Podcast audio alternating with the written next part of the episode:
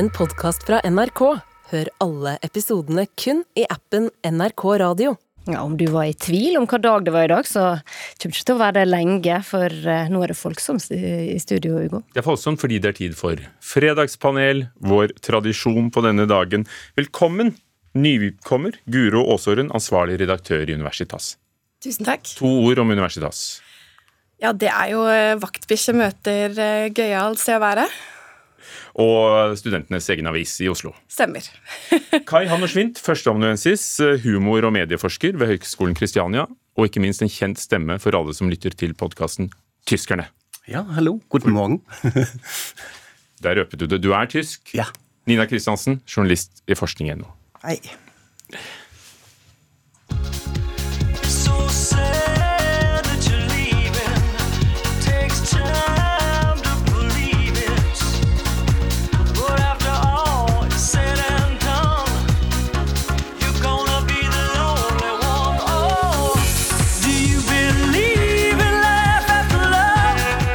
Det er nesten vanskelig å ta det bort, for det er så fengende. Dette hva skjer, og gir en pekepinn på- på første spørsmål. Det handler om autotune eller lignende remedier. Det er kommet flere andre etterpå. Hun var en av de første. Og fra i år av, i morgen er det første delfinale, er det lov å bruke i de norske finalene av Melodi Grand Prix. De får ikke lov når de kommer til den store europeiske finalen. Eh, NRK sier at dette er bare ett av flere verktøy for å optimalisere musikkopplevelsen. Det var NRKs ord. Spørsmålet er er dette den endelige fallitterklæringen for det som var en musikkonkurranse. Kai. Hadde det ikke vært gøy hvis vi alle hadde hatt autotune på nå mens vi snakker? Det hadde vært gøy. Nei, sier jeg. Guro Aasøl? Nei, det tenker jeg ikke. Men er det et merkelig valg? Ja, det syns jeg. Nina Kristiansen. Nei. Det er ikke en fallitterklæring. Det er helt greit å bli fiksa på når du skal delta i en melodikonkurranse. Ja, men Du sa det jo sjøl. Det som var en sangkonkurranse, sa du. Eh, og det er jo det som en gang var en sangkonkurranse, er ikke det lenger. Det er show, underholdning. Det handler kanskje like mye om sceneframførelse og eh, showet som det gjør om sjølve sangen. I fjor sendte vi jo ut eh, artister som ikke hadde en identitet engang. ikke sant? Så det er ikke så nøye lenger. Vi må bare ha det litt gøy. Det er det det er. Og Hvis man ser på autotune som sånn estetisk effekt, så er den jo også mye mer etablert og blir brukt mye mer nyansert enn før, syns jeg. Altså Nå finnes den jo Det er ikke bare et sånn signal for euro, euro trash dance-musikk eller sånn. Og Skje brukte den jo ikke for å synge rent. Tvert Ja, imot. nei, absolutt. Det er Det er en del av den, en, den kontemporære musikkbildet. ikke sant? Også Den finnes i hiphop, den, finnes- den blir brukt ironisk og sånn, så man kan leke litt med det. Og det, hvorfor ikke? Altså Det er en profesjonalisering av det, dette lydbildet. Men jeg tenker jo også at eh, nå er dette altså et Eurovision-publikum som i alle år har hatt det på samme måte og har liksom en kontrakt med Eurovision-sirkuset om at eh, vi gjør det som før, og det skal være show, det skal være gøy, og det skal være surt hvis det er det.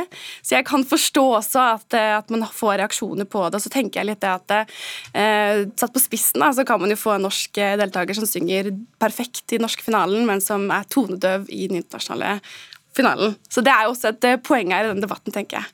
For de vil jo da stille ganske dårlig hvis de kommer seg til, eh, til England, da, som holder finalen fordi det er litt vanskelig i Ukraina. Uh, Ja, men vi veit jo hvem som er med. Det er jo ikke folk som er tonedøve. Det er, det er, og det, og ikke sant? Autotune har jo vært kjempelenge, og det brukes jo artister som kan synge. Det er jo ikke folk som ikke kan synge. og- Ja, det, ja, jo, ikke sant. Det, det fins jo Du har større sjanse, da. Eh, Sånn sangmessig med autotune, men, men det handler jo om så veldig mye mer enn det. Eh, Jeg tenker at det, eh, jeg, var litt sånn forundra når jeg så det at Melodi Grand Prix ble starta for at europeiske land skulle snakke sammen etter krigen. ikke sant? Altså Opprinnelig var det jo politikk. Og nå er det jo gøy. Så nå har europeiske land det gøy sammen, og det er jo nesten like viktig, da. Det er i høyeste grad politikk når Ukraina vinner, Jo, selvsagt er det det. Og det, det mener jo også Det finnes jo forskere på Grand Prix, og de har jo konferanser. Eh, Melodi Grand Prix-forskningskonferanser. eh. Og de sier jo at det er ganske mye politikk, men den er jo gjemt bort i all humoren og showet og hvem som vinner og symbolpolitikk, da. Men Åse Kleveland eller Nicole hadde ikke stilt opp med autotune, tror du? Nei, Det hadde de ikke, men det er jo også en stund siden, ikke sant. Eh, Jeg tenkte bare nå hva, hva hvis vi kunne bruke autotune i politikken? Det hadde vært kanskje den beste løsningen der, ja. Nei, nei, nei, det blir gøy. De er jo mye fake der òg. De går jo på sånne stemmekurs for å ha mest mulig behagelige stemmer, så dette her er jo bare teknisk verktøy. Og så tenker jeg jo det at det norske publikummet skal jo Altså, vi vinner hvis vi har best show, og hvis vi faktisk er internasjonalt best. Så autotune er kanskje ikke den veldig store brikken i denne MGB-sirkuset som vi har her. Så du syns ikke vi skal stemme på det i morgen? Nei, det syns jeg ikke. Nytt spørsmål. Prissesongen er i gang i filmens mekka Hollywood. I am your host, Gerard Carmichael. Sure. And I'll tell you why I'm here. I'm here because I'm black. Jeg er her fordi jeg er svart, sa han rett ut, eh, komikeren Svart og, og Homse, som ledet Golden Globe denne uken. Eh, Blant prisvinnerne Steven Spielberg for sin selvbiografiske film, Kate Blanchett beste skuespillerinne, Colin Farrell beste skuespiller, de deler fortsatt dette her i, i, i kjønn, eh, og et utall andre kategorier. New York Times sier at filmindustrien bruker prisene for å markedsføre filmene, at det er ikke mye igjen av kunstnerisk verdi, men hva sier dere? Forteller antall priser en film får noe som helst om den er god eller ikke? Ja. Ja. Uh, nei. Og siden du også er medieforsker, eh, herr Schwint, så forteller du oss hvorfor. Ja, altså det er jo Man sier jo gjerne at en prisutdeling sier mer om de som deler ut prisen, enn de som får den. ikke sant? Dette må man se tilbake til utvikling av underholdningsindustrien, kreative næringer. Så er det å stifte priser en del av en sånn selvbekreftelse, det er mye nettverking osv. Så, videre, og så, videre. så det påvirker det nok til en større grad. Nå er jo spørsmålet også antall. ikke sant? Det er jo sånn kvantitativt spørsmål. Jo mer priser, jo bedre er det. Og så tror jeg denne effekten, eller denne utviklingen har hatt en effekt også på hva vi mener med god.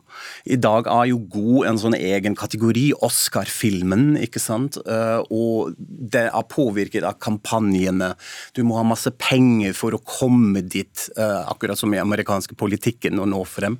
Og da, eh, jo, man velger ut selvfølgelig fra en viss kvalitet, men man er med en, stor grad med å definere denne kvaliteten, og da kan man ikke helt sånn svare ja på det, vil jeg si. Guro Aasøren. Altså, det er jo ikke svart-hvitt der. Det er, altså, det er jo ofte, men ikke nødvendigvis. ikke sant? Det, det er jo de filmene som velges ut eh, og som vinner mye priser, de oppfyller jo en del kvalitetsmarkører. Det tenker jeg er en sånn åpenbarhet. Men det betyr jo ikke at det ikke finnes mye annen veldig god film som også kunne og burde vunnet priser. Og her tenker jeg det handler om det som jeg er inne på her, at blindsoner. eh, At man, når man har disse eh, hvem som velger ut prisene og systemet rundt, så er det jo også eh, mange, mange filmer som havner da utenfor søkelyset. og jeg tenker også Et godt eksempel i år da, på Golden Globes er jo at det, det ikke er noen kvinner som er nominert for beste regissør, f.eks.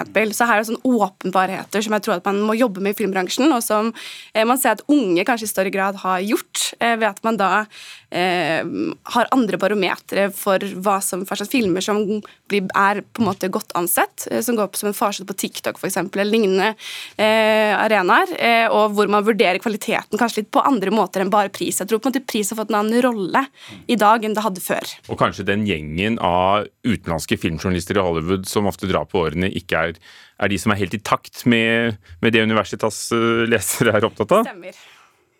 Nei, Jeg syns priser er helt supert. jeg. Bruker ofte som eh, sånn guide for å se hva jeg skal se i helga og sånt. Hvilke prisvinnende filmer er det jeg ikke har sett? Men det er jo stor forskjell på priser òg, da. Nå snakker vi om Golden Globe, som har vært mye kritisert, og som er kjempestort og et kommersielt foretak. Og så har du andre typer priser, ikke sant. Litt mindre priser, alternative priser, du har liksom filmfestivaler. Så det går alltid an å finne en pris man liker, og man liker filmene som de har fått, da. Men spørsmålet er jo om det er for mange priser. Og det har vi diskutert i journalistikken. Det er jo ganske mange priser i journalistikken, og jeg syns det er helt strålende. Jeg har fått et par av dem. Jeg syns det er helt vidunderlig. Og i forskere, det er jo så mye priser at eh, Men det var ikke alle som syntes Unnskyld at jeg avbryter, men som syntes det var vidunderlig for Golden Globe. Flere møtte ikke opp engang, for den har vært så omdiskutert og kritisert. Og, og det hjalp kanskje ikke at de fikk inn Gerard Mar Carmichael som svart homse til å lede forestillingen. Men det er jo også et symptom av de store prisutdelingene som Golden Globes og Oscar. og Sånn. Dette er på en måte noen arena for kulturkampene. ikke sant? Det handler om representasjon, om noe annet egentlig til en stor grad enn hvem det nok annet som får de prisene. Er det noen priser du har tiltro til? Ikke sant? Det er jo, jeg mener jo at de små filmfestivalene åpenbart er en, en god start, og jeg har jo tiltro til deler av de store prisutdelingene også, men jeg syns at de sakene og kampene som nå kjempes i de store prisutdelingene, er riktig og viktig. Så det er jo et element i det hele. La oss ta et stort navn som har vært i nyhetene denne uken. Prins Harry, hertugen av Sussex, har skrevet bok og forteller om sitt turbulente forhold til resten av den britiske kongefamilien. It never needed to be this way. I would like to get my father back. I would like to have my brother back. Sa han til ITV jeg vil gjerne ha pappa tilbake og broren min. Det behøvde ikke være sånn. Noen kritikere vil si at han utleverer nettopp far, kongen og broren, tronarvingen, men i USA har han solgt over ø, ø, 1,1 million eksemplarer på under en uke, og, samtidig har han og konen Meghan fått klekkelig betalt for en serie på Netflix. Er det mest synd på Harry eller på familien hans? Jeg syns helt ærlig at det er ikke synd på noen av dem. Ikke heller, men hvis av det Harry. Kongefamilien. Har, har du satt deg inn i dette? Jeg så da en episode av Harry og Meghan og um, tenkte at der gikk det en time av livet mitt som jeg aldri får tilbake. Men Det var hyggelig at du gjorde det Ja. som forberedelse. Nemlig. Men ikke sant? jeg har veldig sympati for Harrys valg. Og dette her er jo kjendiser. Vi, ikke sant? vi føler at vi kjenner dem, vi føler at vi har eierskap til dem. Og du følger med på hva de gjør, ikke sant. Og jeg tenker at eh, sånn, hurra, han forlot den derre svære institusjonen som britisk kongefamilie er, og som er ganske sånn, ja, ganske brutal, da. Men hva gjør han? Han selger seg sjæl. Han selger kona si. Og verst ungene sine, og da mista jeg all sympati. De opptrår jo i denne Netflix-serien. Så han som snakker så mye om sin sårbare barndom og mediene, og så putter han ungen foran kamera. Takk og farvel. Jeg syns synd på kongefamilien. Jeg er litt sånn motsatt. Altså, Jeg digger Harry, og jeg tror jeg skjønner hva han gjør. Jeg tror hva slags prosjekt dette er. Dette er litt sånn å slå disse britiske tabloidene med sine egne våpen. Dette er nå går jeg all in. Jeg selger barna mine. Jeg leverer sladder i den nye boka. eh, Reserve, eller jeg vet ikke hva det heter på norsk. Spare.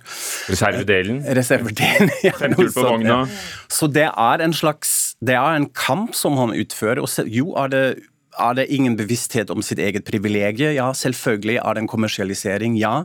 Men det er Nå har jeg, er jeg halvveis gjennom lydboka av Spare. Og det var du før du visste at du skulle snakke Jeg om det i dag? Jeg vet, og det innrømmer jeg nå her, beklager, men eh, jeg har forberedt meg kanskje uten å vite hva jeg skulle forberede meg til. Men dette er en, det er en ganske bra opplevelse. Det er en blanding av veldig rørende, provoserende, morsom. Og jeg syns egentlig rart at også norsk kulturjournalistikk for det meste har vært veldig sånn snobbete og avfeiede. Dette er et fascinerende prosjekt, som blanding mellom Game of Thrones og Hotell Cæsar. Sånn veldig bra lesning. Men hvis Venstre får de som det vil, hørte vi om eh, denne uken, så ville de ha et forbud mot å utlevere ungene eh, for å tjene penger. Ja, ok. Det ble debatt om i går i debatten. Men altså, det er jo det som, som denne samtalen ikke helt klarer, er jo en slags informert, selvkritisk samtale om privilegier. Det klarer han jo ikke, ikke sant? Det er jo sant. Ja. Guro Aasorden. Ja, for det er jo akkurat det. Det mangler en god selvrefleksjon. Eh, Det er eh, veldig mye følelser inne i bildet. Det er mye at man syns synd på seg selv. Og jeg, opp, jeg syns at mye har berettiget. Altså, det er jo ingen tvil på at jeg har opplevd helt enorme mengder med sjikane og hets, og, og at eh, rasismen som bl.a. Meghan Markle har møtt, er jo helt enorm og utrolig forferdelig. Men eh, man kan ikke skrive en sånn bok og ha en Netflix-serie uten å klare å reflektere noen ting over sin egen posisjon i verden.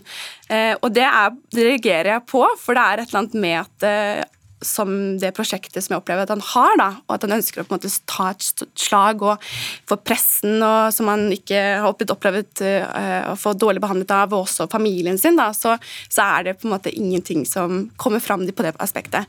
Men så skal det også sies at jeg syns jo eh, altså I Storbritannia så er det jo få arenaer hvor kongefamilien også kan snakke om eh, strukturelle utfordringer som de har i kongehuset. Og her er det jo kanskje et bevis da, på at det er annet ganske galt med hvordan kongehuset opererer i Storbritannia, hvor da man ikke får den refleksjonen. Og du syns ikke synd på noen av dem? Nei. Takk skal dere ha. Vi sier det sånn. Fredagspanel i dag. Guro Aasåren, ansvarlig redaktør i Universitas, Kai Hannorsvint, førsteamanuensis ved Høgskolen Kristiania, og Nina Kristiansen fra forskning.no. Du har hørt en podkast fra NRK. Hør alle episodene kun i appen NRK Radio.